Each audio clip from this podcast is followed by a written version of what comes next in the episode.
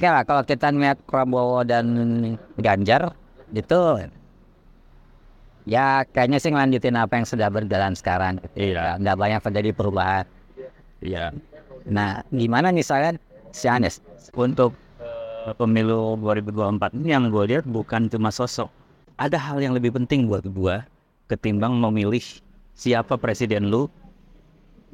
Ada yang lebih penting. Ini lagi di warung kopi apa nih?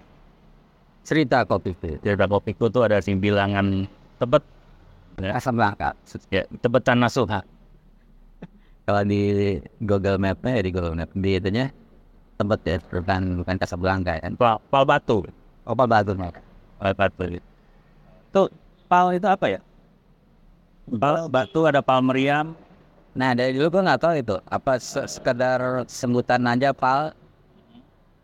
Pal itu kayak tanda aja itu ada tanda pelang gitu kan. Ini mungkin nggak susah nyebut pelang jadi pal. Oh gitu ya ya. Pal. Gitu. Satu pal. Orang itu bisa di- diidentifikasi dari saat dia ketemuan. Oh iya. Dari apanya? Dari obrolannya. Ya jadi gue sekarang sering ngomong jadi-jadi seolah-olah emang udah itu satu-satunya gitu. Iya. Tidak ada kemungkinan lain. Padahal nggak gitu. Iya. Padahal urusan lain nggak jadi jadi. Gue nyontek dari ini. Pernah dengar di medsos itu yang ahli filsafat Dr. Farudin siapa gitu. Oh iya. Ingat Pak Harus Ingat. Iya. ah.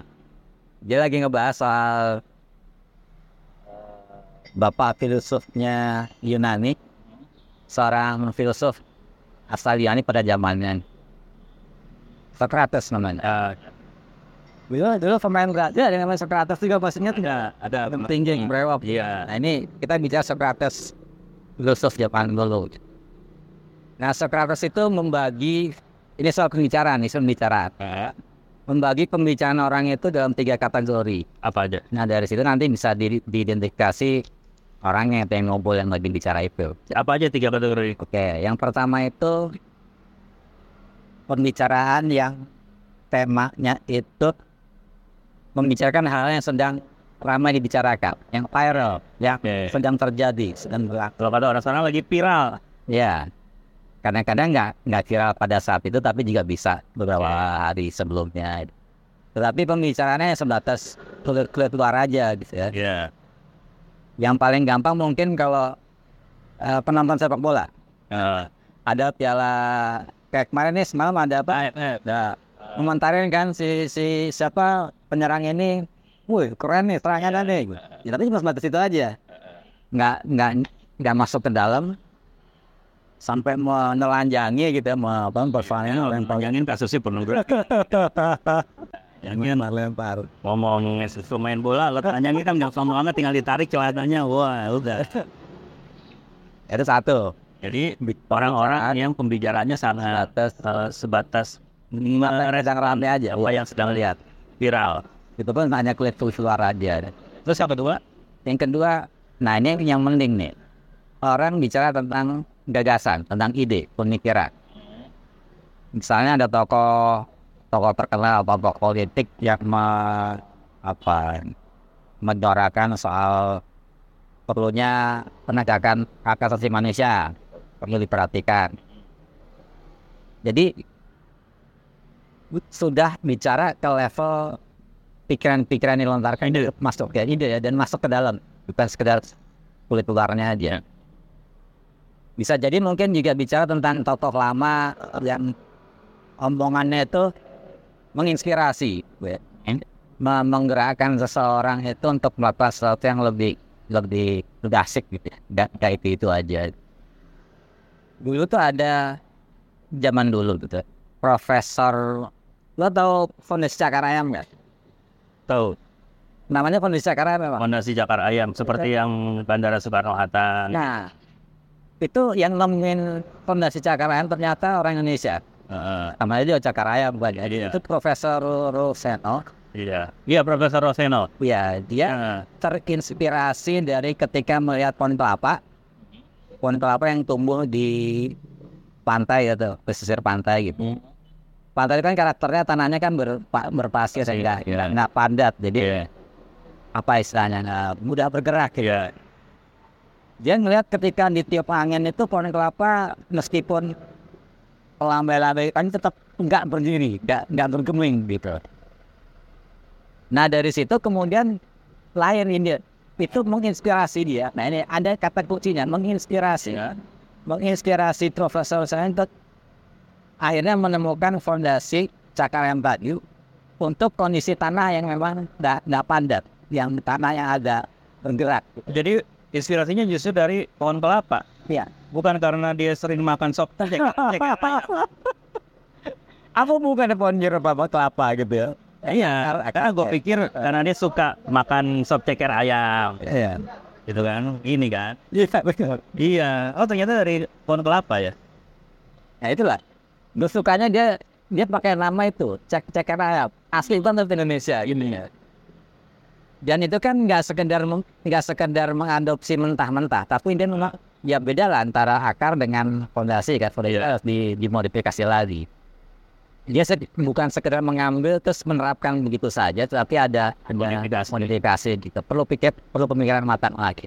Itu pembicaraan yang kedua, pemikiran yang masuk ke wilayah Gagasan, gitu. gagasan, kekiran yang menginspirasi. Yang ketiga, ini yang paling rendah. emang ini rendah. Tadi yang pertama apa? Ngomongin kisah peristiwa kejadian yang paling Ah, kejadian yang viral. Kedua gagasan. ya. Yang ketiga Ngomongin orang. mungkin orangnya. Itu itu sih. Salah satunya ngomongin ajiba misalnya ya gitu. Ini kalau ya ambil contoh misalnya mama di gang gitu ya sudah ngomongin tetangganya yang nah gitulah tulitin hal-hal yang sebenarnya itu masalah apalah gitu yang, yang penting. Tapi emang emang terjadi seperti itu. Dan itu eh, menjadi kebiasaan. Iya. Itu menjadi semacam upacara upacara sore hari ya. Kenapa bedanya yang pertama dengan yang ketiga? Agak-agak sama soalnya. Yang pertama, ya itu kan kalau ini kan cenderung ngomongin orang cenderung kepada hal yang negatifnya ya. Di situ lari. Jadi nyinyir lah, nyinyir Nyinyir. gitu. Beda dengan kalau tadi saya ada pertandingan sepak bola kita komentarin oh ini ini Ya. hebat nih skillnya ini. Kayaknya ini bisa dikontrak oleh- klub-klub asing misalnya begitu. Oh, ya. Tapi ya udah sebatas kulit-kulitan dia. gitu. Nah dari situ dari ketiga pembicaraan tadi kita bisa me- mengukur lah gitu gitu uh, karakter orang yang bicara. Kalau sekarang kan kita ngobrol nih ketemu. Ya. Kira-kira kita akan ada di level 1, 2, 3 atau gimana nih? Ya sebenarnya kalau tadi diuraikan tiga kategori itu bukan yang nggak kaku-kaku amat lah. Bukan Ya. ingin bikin sakot ngomongin oh ini tipenya ini enggak gitu. Kadang kan kita juga kalau bicara kan memadukan ketiga hal tersebut.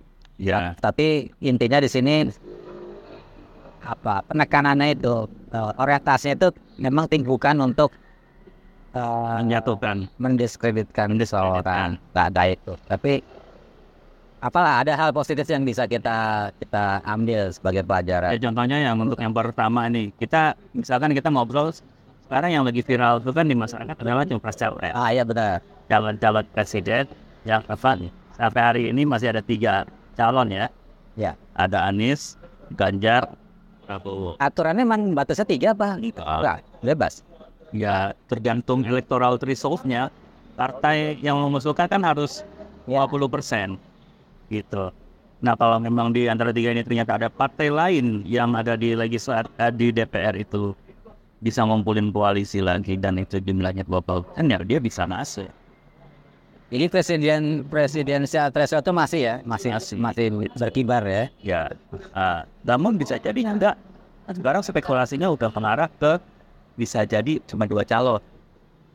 Ah, nah niatnya dari mana tuh?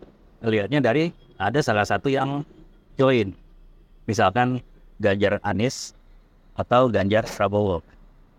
Oh sudah ada suara-suara yang enggak mau itu, mau Iya. menduetkan Iya, yang tadinya itu calon presidennya, tapi kemudian digayat untuk dijadikan wakil gitu ya. Salah satunya sebagai wakil gitu. cuma tetap belum final juga, karena kan mereka masih tetap kalkulasi. Kalau nguping-nguping sekilas itu biasanya tuh kalau tokoh partai ngomong itu itu baru berandai-andai gitu ya. Jadi bukan bukan suara dari Cuma ini masalahnya politik ya. Kadang di titik di titik terakhir itu kan suka ada perubahan-perubahan yang nggak yang ngeselin. Di Indonesia kan lo tahu sendiri ya. Indonesia itu partai politik itu mengkalkulasi bagaimana tentunya semuanya maunya menang. Gitu. Jadi yang dipikirkan adalah kalkulasi eh apakah kalau saya duet dengan capresnya si A itu akan menang atau tidak kayak gitu.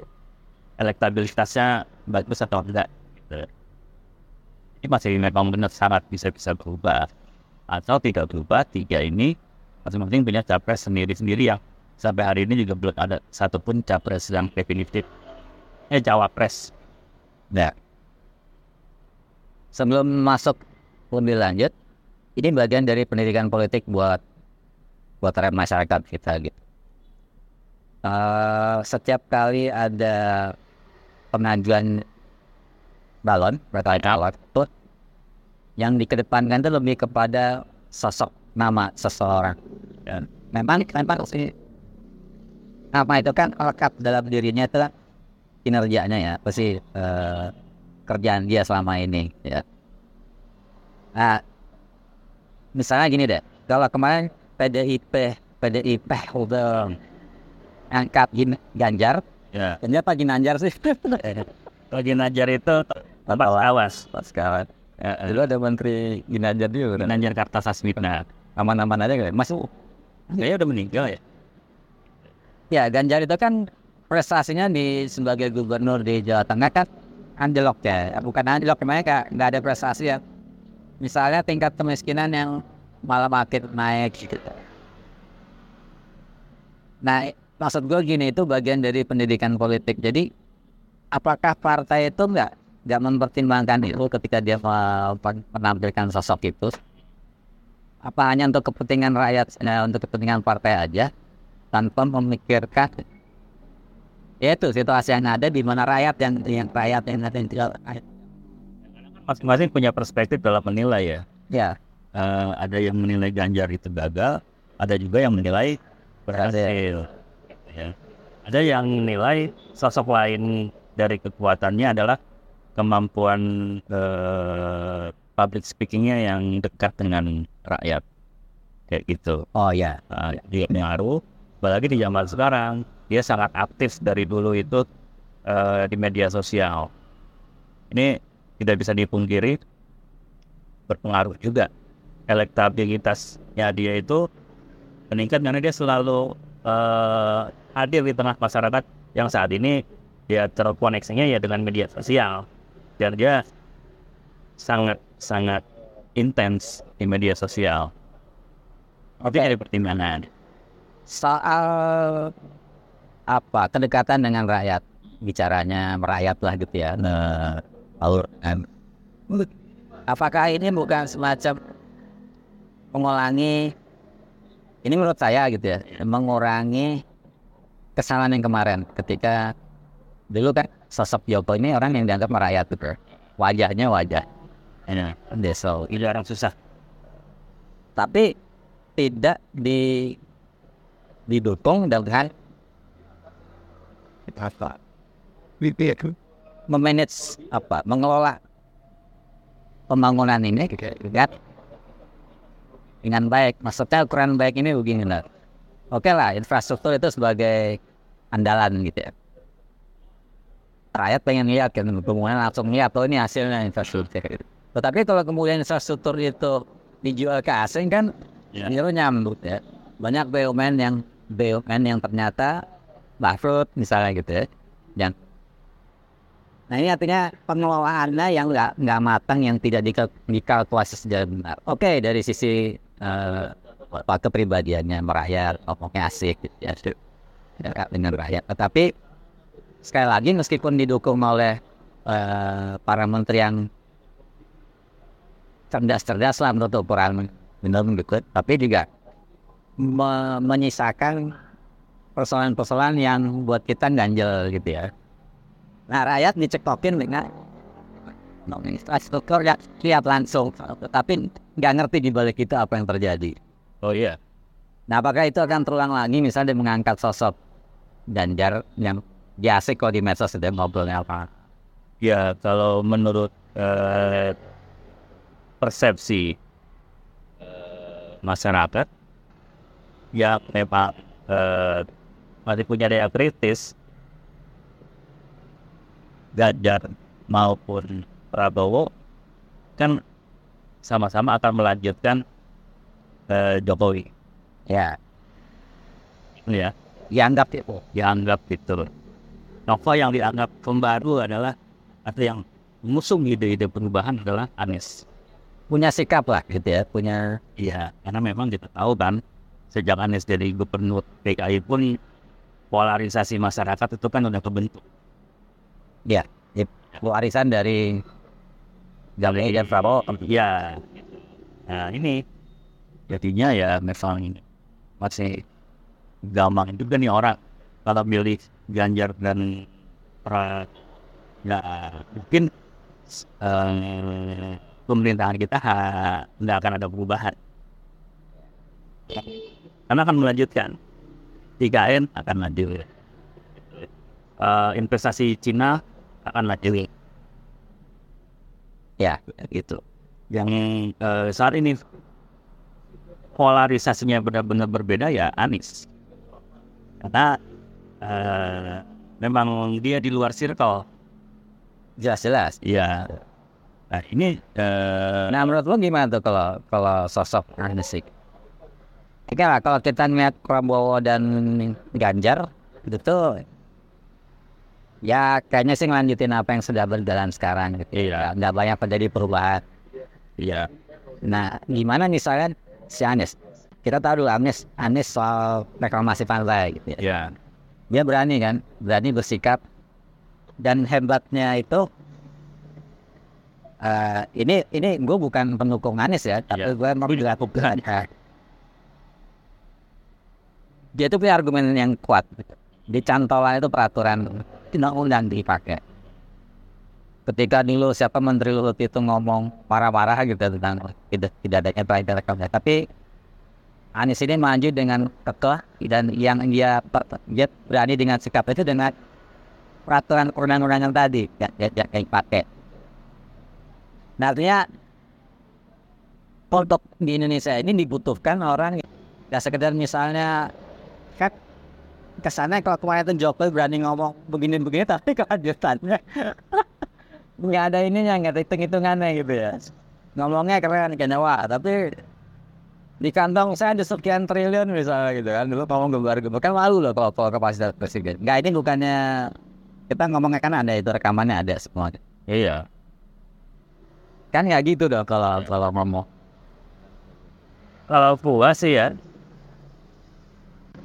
untuk eh, pemilu 2024 ini yang gue lihat bukan cuma sosok. Ya persis Oke, eh, tadi lo bilang Anies eh, ada eh, adalah punya punya kepribadian yang berbeda. Tapi gue sebagai warga Jakarta juga punya pandangan yang kritis terhadap dia selama dia menjadi gubernur. Reklamasi satu hal. Eh, persoalan persoalan kultur birokrasi itu gue lihat di zaman Anies anjlok dibandingkan dengan zaman Ahok. Kulturnya. Contoh, kita ngurus sesuatu di kelurahan. Waktu zaman sebelum Anies kan mau bikin KTP cepet. Datang terus tuh jadi oh ya nah di zaman Anies gua ngalamin sendiri.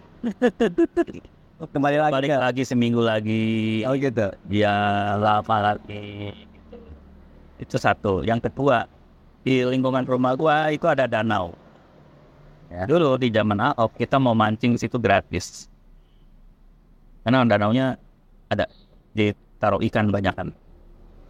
Ketika di zaman Ades ada pungli sampai sekarang masuk itu bayar goceng.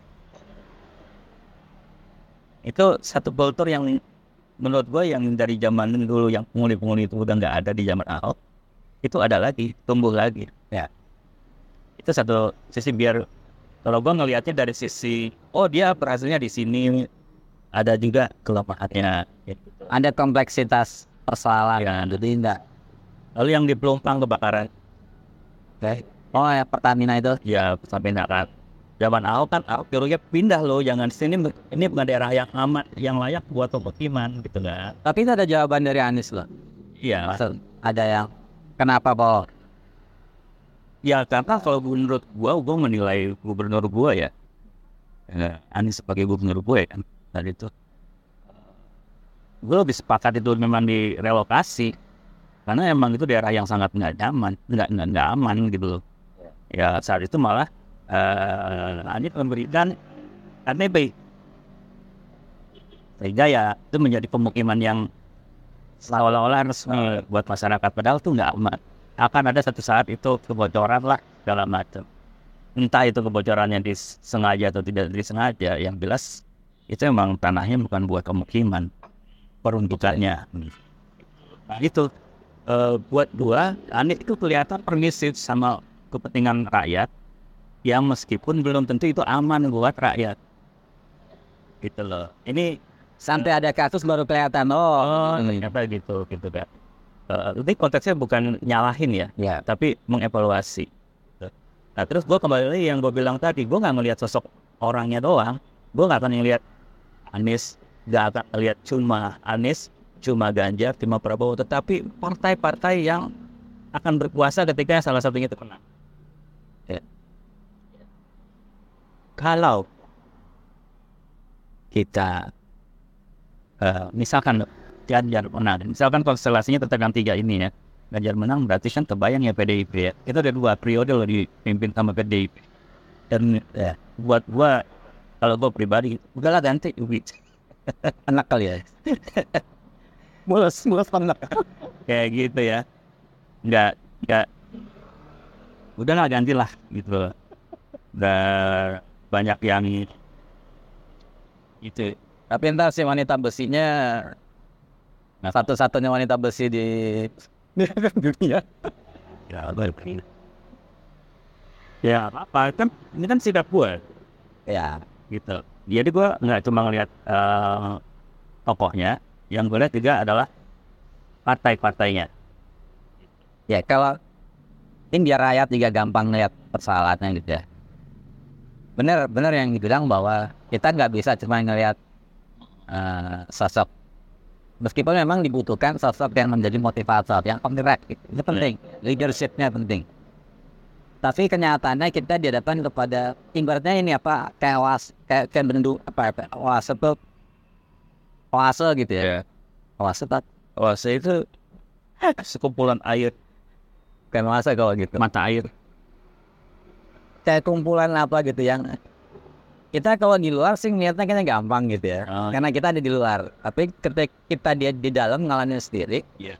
itu gimana peliknya, pusingnya, bingungnya memanage sekian kepala yang punya kepentingan masing-masing, Ya. punya kekuatan masing-masing, Heeh. punya semacam jasa yang kita masih nimbang-nimbang ada balas jasanya gitu ya. Ya kayak sekarang kalau partai itu dukung dia kan, dananya partai koalisi itu itu jagoin gitu. Tapi kan nanti ada ada itu itu nggak mungkin pak ada tiket Jadi kalau kita belajar dari pemilu-pemilu sebelumnya juga eh, persaingan politik pemilu ini juga nggak final sampai benar-benar diumumkan eh, kabinet. Ya, kayak kemarin Prabowo sama Jokowi ada di dua kutub yang berbeda. Ketika Jokowi menang, Prabowo gabung, di mana pendukungnya banyak dengan yang kecewa. ya Ini kayak gitu. Di Indonesia itu sangat memungkinkan itu terjadi. Gitu. Ya. Jadi mau apa pun yang disampaikan oleh para capres sekarang ini, itu jangan terlalu "Eh, ini pasti keren. Belum tentu juga. Bisa jadi bahwa Anies nanti menang. Ada partai-partai yang juga akan masuk ke koalisi baru, koalisi pemerintahan lagi. Karena budaya politik di Indonesia, menurut kacamata gua nih, kacamata murah, murah. Sama berapa 15 ribuan ya? Iya. 15 itu dua. Buy one get one. Gitu. Tahu apa mas? Iya. Nah, Bisa dilihat nanti dari budaya politiknya. Budaya politiknya dari itu politik di Indonesia itu kita tidak pernah punya partai yang eh, oposisi benar-benar oposisi. Bahkan oposisi pun bisa dinego untuk bergabung ke dalam pemerintahan. Dalam pemerintahan Jokowi lah. Contohnya Gerindra yang tadinya berseberangan masuk menjadi bagian dari pemerintah.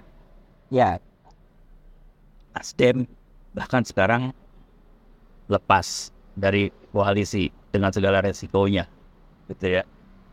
Bisa jadi nanti mereka kalkulasinya wah beda lagi nih, saya tetap harus koalisi sama PDIP deh nih, gitu. kata kuncinya budaya budayanya dia kota. Jadi kita nggak pernah punya budaya yang memang pemerintah ketika berkuasa akan berhadapan dengan uh, oposisi yang akan benar-benar mengontrol secara objektif dan tetap bertahan tetap mengontrol gitu loh. Ya. Nggak mudah digiurkan dengan negosiasi politik untuk udah lu duit gua mulu lu masuk aja dah gua kasih nih jatah menteri kan kayak gitu budaya politik kita Ya, tapi itu juga mungkin eh, berawal dari itu maksudnya apa? Lanjutan dari ada nyanyi nggak Pak? Lanjutan dari adanya polarisasi yang semakin tajam. Ini budaya kita kan beda dengan budaya, masyarakat barat ya. Jadi demokrasinya karak watak demokrasi watak demokrasi apa demokratis sih? demokrasi Partai demokrasi masyarakat itu kan meskipun ada perbedaan yang begitu tajam tetapi tidak sampai melebar ke yang kita tahu lah kalau di Indonesia itu gimana sih akhirnya gitu ya. Agama di bawah nanti ya. ya itu dia. Agama di bawah. Nah ini ngeri kan? Nah ini kalau menurut gue ini ada faktor ini juga yang menyebabkan tokoh yang dulu diusung oleh mereka yang menamakan posisi itu kemudian berpikir ke arah situ. Bayangin gitu kalau para buzzer eh, itu semakin semakin tajam mem- memperkarakan mereka para pengkritik dengan ancaman pidana. Ya kalau kemudian tidak direjam ya didinginkan ya, suasana itu Iya. artinya oh, ya udahlah untuk, untuk supaya ini bisa negara bisa jalan apa bisa berjalan dengan baik ini ini diadamkan didinginkan. Salah satu caranya ini itu mungkin salah satu alasan juga yang di, disampaikan oleh Prabowo ya dia dia ke kabinet bayangin loh dari dari presiden masuk ke menteri gitu ya Iya. Masuk akal gitu berarti kan ya nggak bisa disalahkan juga masyarakat yang punya pandangan kok gitu banget sih Lah iya, ya itu namanya budaya, Cak. Iya. Budaya itu juga menyangkut cara berpikir kan. iya Hitam putihnya itu kebangetan gitu. iya Eh, soalnya nggak ada harga, nggak ada tar menawar. Padahal yang politik kita. Dan ketika dihadapkan kepada persoalan yang lebih besar kan nggak bisa kita ideal kita tetap maju terus muka kayak kacamata kacamata kuda gitu ya nggak nggak lihat mereka nggak bisa. Nah masyarakat kita kan gitu. Kebanyakan emosionalnya tinggi. iya emosionalnya tinggi eh, sehingga mudah sekali dipengaruhi oleh informasi-informasi yang belum tentu benar hoax Ya. gitu Nah itu kuncinya budaya kan. Budaya. budaya Takut kan bingung kita. Budaya itu kan terber gimana bisa membentuk masyarakat dengan budaya yang kita harapkan? Kalau itu berapa tahun merdeka kita? Cuman kita baru 8 tahun 28. merdeka. Tapi kedewasaan kita malah makin parah gitu ya. Jadi misalnya kita sering lihat di beberapa kehidupan di luar politik gitu. Sikap arogansi tenang sendiri. Ya itu mah sumber merasa merasa kuat. Kalau nggak suka main antep ya itu terjadi baik di tataran masyarakat. Iya. Jadi ma- di masyarakat. Mau di partai politik mau di ormas ya kan? Kayak gitu. Kan susah. Iya. Mau Indonesia umurnya 200 mungkin dia begitu. Tapi nggak 200 tahun Indonesia deh Eh, ya sampai aja. Cuma kan persoalannya eh, sampai atau tidak persoalannya ada perubahan budaya kan? Nah, menurut teori sosial gimana tuh? Nggak ngerti tuh. Apa ma- manusia itu bisa diubah, berubah melalui tahapan yang begitu panjang. Dan mau nggak mau sekali lagi memang harus ada lo tahu zaman orde baru sosok yang begitu kuat ya kan dia menelan penentu segala sehingga bisa meredam meskipun itu api dalam sekam gitu Iya. ya tapi adem gitu Iya. bukan begitu Iya, tetapi bukan berarti itu juga bagus. Iya ada pilihan-pilihan, ada pilihan. Misalnya dulu serame oh, pe- partai politik rame ide-ide itu kemudian diredam dengan apa asas asas tunggal ya. Nah, ya. Lalu ada Petrus. Itu kan udah jadi untuk budaya seperti ini perlu perlu tindakan-tindakan yang di luar di luar kebiasaan yang atau di luar cara yang bisa dilakukan untuk masyarakat yang sudah dewasa gitu. Iya dan itu kan berproses. Ya. Kalau gue ngeliat gini, Indonesia di zaman eh, Orde Baru kita biasa hidup dibungkam, sehingga kita nggak berani untuk menyampaikan kritik. Karena orang-orang yang kritis kita udah tahu nasibnya akan seperti apa. Ya. Ya di setelah reformasi, reformasi yang nggak ada hasil, yang nggak ada hasilnya, tapi tetap masyarakat kita beranjak. Masyarakat kita semakin berani untuk menyampaikan, Dari sisi keberanian Dapat. menyampaikan, pendapat. ya, eh, tidak lagi takut karena memang orang yang mengkritik tidak akan eh, mengalami nasib seperti di zaman Orde Baru. Di mana sudah banyak tokoh-tokoh masyarakat, akademisi, ahli hukum, ya aktivis-aktivis yang memang sadar hukum dan mereka membela masyarakat yang kritis gitu loh. Lo nggak bisa sembarangan ditahan gitu loh. Nah ini semakin prosesnya semakin berkembang sih.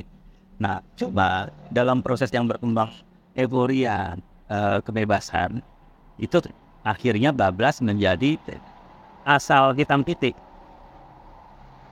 asal ceklak ya makanya di zaman SBY SBY dibilang bola segala macam gitu kan. Ya. di zaman Jokowi lebih parah lagi. Jokowi di, di anak buat Jokowi itu banyak banget kan gitu. Tetapi kan SBY dan Jokowi bukan orang yang seperti Soeharto. Karena mereka sadar rumah masyarakat kita memang udah eh, seperti ini. Ya. Daya kritisnya sudah bagus. Cuma persoalannya adalah ti- critical thinkingnya itu apakah eh, dibalut dengan eh, Fakta, ya fakta, data, dan ke- kematangan emosional.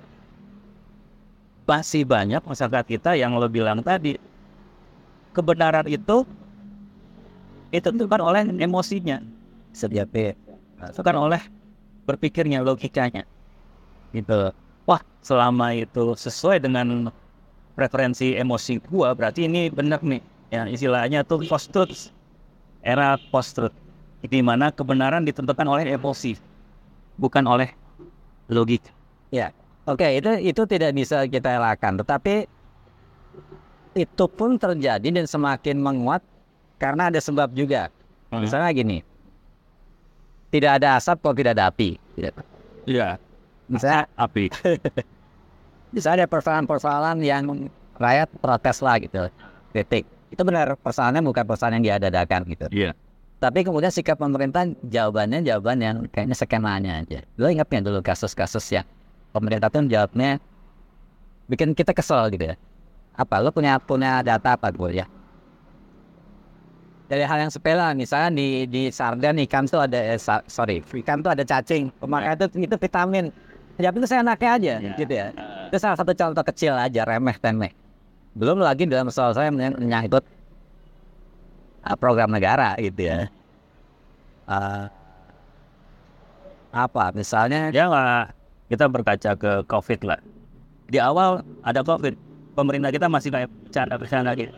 ya ya maksudnya intinya gue adalah itu lagi tidak ada asal tidak ada artinya sikap rakyat itu bertambah seperti itu Iya. karena memang ada simul ada ada penyebabnya celakanya penyebabnya itu justru dari data yang seharusnya dia sebagai pengarah yang bisa me- me- menyalurkan yang, yang, yang positif, yang berpikiran sehat gitu. Gak asal ngejeblok aja itu juga. Iya. Kalau rakyat ngejeblok iya rakyat, tapi kalau pemerintah ngejeblok kan nggak seru gitu. Iya. Asik gitu. Jadi gimana itu kita kayak ada dalam apa pusaran yang ribet gitu. Kayak benang kusut praktik dari mana gitu mau harus murainya gitu. Yang, yang ini rakyat udah mau seharusnya di, diajarin oke keberanian untuk menyampaikan pendapat itu perlu di, diarahkan Iya. dibenarkan. Tapi kemudian ada ada percik-percik api yang membuat ini semakin ngawur lah gitu ya. Dan gitu tindakannya coba sekarang yang mengarahkan secara berpikir secara logiknya itu siapa bukan tindakan langsung itu tadi pidana itu tangkap ta- bukan tangkap kritiknya bukan orangnya Iya. rasanya keren bos Iya. Tangkap kritiknya bukan orangnya. Kita masih kadang-kadang yang ditangkap orangnya. Gagasan dari kritik itu kan. nah, itu tuh. Nah, Rada-rada tablo gitu kan. apa ketika Khalil Gibran ketika ketika dunia sedang mengalami kebuntuan nggak tahu nggak tahu mana pangkal ujungnya ini mesti gimana mu- muncullah seorang filosof. Yang akan mengurai. Dia akan mengurai persoalan ini di di diuraikan di ditempatkan pada diletakkan pada tempat-tempatnya mana yang harus mana yang ah itulah pokoknya ya nah di kita ini ada satu orang yang ini bukan muji-muji tapi emang ternyata dia muncul gitu kan. Meskipun hanya dalam satu aspek dia sendiri nggak nggak cukup bisa untuk me- mengubah gitu ya. Iya. Seperti misalnya Rocky Gerung emang dia seorang filosof gitu kan. Ya guru, guru dosen filsafat Iya.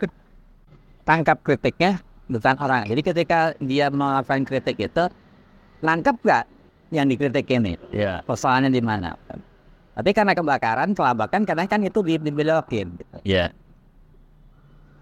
dan itu yang melakukan itu juru justru dari juru bicara ya juru bicara pemerintah gitu nah ini ribet kan apakah emang kita ditakdirkan seperti itu bangsa Indonesia kan Ya. Kalau gue sih percaya proses ya. Kita tahapnya baru sampai situ. Kita belum em, belum dewasa untuk menerima kritik ya pemerintah kita. Eh, nanti juga yang sekarang banyak mengkritik lalu nanti berpuasa belum tentu nah ya belum tentu juga bisa menerima kritik. oke lah sekarang mungkin di luar mereka bisa Iya, karena mereka ada di luar kekuasaan. Iya. Nanti ketika mereka sendirian ng- ngalamin Iya. Ya contoh lah yang dua periode ini eh, circle-nya tuh berkuasa. Dulu mereka betapa kritisnya. Tapi ketika berkuasa, ya sama-sama nggak bisa nerima kritik juga. Gitu, sama-sama arogan juga. Ya. Ya gitu. Gue sih ngeliatnya bahwa eh, kalau kita ngomongin politik di Indonesia ini, gue punya batasan bahwa mereka orang-orang politik ini yang mereka kejar cuma kekuasaan mereka nggak benar-benar mengejar bagaimana bisa menyejahterakan rakyat. Tidak nggak sampai ke sana. Dan itu amanah konstitusi itu. Iya dan semua nggak sampai ke sana. Gitu.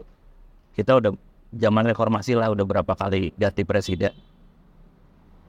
Semua eh, pemerintahan yang berkuasa tidak benar-benar berupaya punya target menyejahterakan masyarakat. Semua hanya bagaimana mendapatkan kekuasaan, berbagi kekuasaan.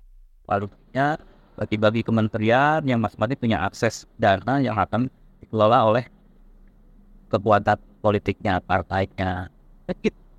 Sampai ada masyarakat. Contoh lah kemarin korupsi BTS BTS ya di Indonesia Timur Tower, Tower nah, gitu kan oh yang saya menteri menteri kominfo ya buatnya itu kan dari Nasdem lu bayangin dari 10 triliun dikorupsi 8 triliun Jokowi sendiri kemarin ngomong kan sempat dana stunting dari 5 triliun dipakai 3 triliun cuma buat meeting-meeting. Kan betul. Ya gitu. Karena itu tuh menyebut mereka benar-benar tidak mencari kekuasaan untuk rakyat. Hanya mencari kekuasaan untuk kepentingan. Hanya wajar apabila ada orang-orang yang ah gua nggak apatis terhadap pemilu. Percuma deh so siapa pun presidennya siapa pun pemilih eh, pemerintahannya mau partai apa pun nasib kita nggak akan berubah. Oke, tapi tapi banyak orang-orang yang apa Iya. kayak gitu nah tutup. Mereka akhirnya bawa golput nggak bisa disalahkan dari lo bilang juga. Tidak ada asap. Ya tidak ada asep. Karena Asep yang ngerokok.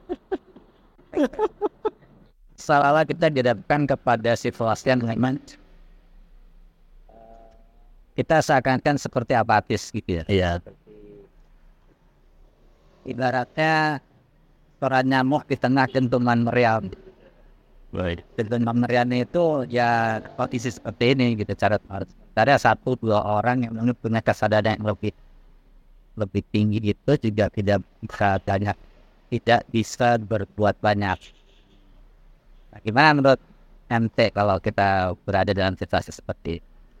ya kalau gue sih eh gue punya sikap gue ya gue tuh eh, mengambil posisi bahwa gue ini warga negara. Dan iya gue punya KTP gitu. Ada ada NIK juga gitu. Terdaftar resmi. Cuma belum dapet centang biru aja. Nah eh gue tidak mau menyerahkan hidup gue ini butuh ke calon presiden dan partai politik Iya lah, gitu oh, harus apa begitu? nggak menganggap bahwa ah kalau yang menang si A pasti Indonesia akan lebih baik. Gua nggak punya berpikir kayak gitu. Ya, ada hal yang lebih penting buat gua ketimbang memilih siapa presiden lu. Ada yang lebih penting. Nah ini, ini, ini poinnya apa nih? Yang lebih penting adalah bagaimana kita punya kedewasaan dalam berpikir, dalam bersikap politik, yaitu dengan menghormati orang yang punya preferensi politik berbeda sama kita. Karena polarisasi yang ada, polaritas yang ada kemarin itu semakin terbakar dengan eh, ketidakdewasaan dalam memandang perbedaan. Gitu loh Nggak bijak ya? nggak bijak merasa bahwa presiden yang gue pilih pasti akan membuat Indonesia lebih baik. Presiden yang lo pilih akan bikin Indonesia hancur. Kan masih hitam putih gitu. Nah udah nggak udah nggak zaman kita masih begitu loh. Kita harus udah berpikir bahwa gue punya pilihan ini lo punya pilihan itu ya tinggal kita lihat aja. Nanti apakah harapan-harapan gue dengan presiden gue itu akan terwujud atau tidak? Sikap berikutnya adalah meskipun nanti misalkan presiden pilihan kita menang, kita tetap kritis terhadap pemerintahan tersebut gitu loh. Sikap gue selama ini kan kayak gitu. Sikap asli Tidak kita. mengubah. ya. Ah, ah, aslinya ya gue kritis siapa pun presidennya. Walaupun gue pernah memilih Jokowi, tetapi kan konten medsos gue membuktikan bahwa gue selalu mengkritik. Yang menurut gue nggak pas. Gitu loh. Jadi bukan yang selalu dibela, selalu udah lewat masa yang kayak gitu harusnya gitu loh. Kita harus sudah makin dewasa bahwa yang lebih penting daripada pemilihan presiden adalah bagaimana kita menghormati orang yang pilihannya beda. Itu sih kalau buat gua ya. Lalu tokoh-tokoh masyarakat juga udah lo jangan terjebak dengan eh, membela partai A, partai B, lo jadi tokoh bangsa lah. Ya. Yang bagaimana bisa kan kita di negara kita ada tokoh bangsa, tokoh bangsa ya Negarawan. dan negarawan gitu. Heeh. Eh, sikap mereka itu tidak didasarkan oleh like and dislike, tapi utuh melihat bangsa ini. Gitu. Kebaikannya kayak gini nih. Jadi sehingga tetap walaupun ada di dalam sistem pemerintahan dia punya jaga jarak yang cukup kuat sehingga berani tetap mengkritik. Gitu. Meskipun pemerintahnya nanti eh, nggak dewasa dalam menyikapi kritik itu soal lain lagi. Yang itu memang pernah PR kita yang nggak pernah, yang belum selesai sampai sampai hari ini. Gitu. dan memang pasti aja ada masalah nggak nggak akan selesai gitu meskipun masih mungkin asalnya beda gitu Iya. Tuh. Penting itu sih. Kita masuki periode pemilu 2024 dengan lebih ah, iya. asik, lebih arif, lebih bijaksana. Ya, walaupun si Arif nggak tahu di mana nasibnya sekarang kan. Gitu. Ya Lebih gitu. mengasah emosi emosi kita gitu. Iya, dari dari emosi emositas gitu. Ya. Itulah. masih terkendali Mm-mm. Oke deh.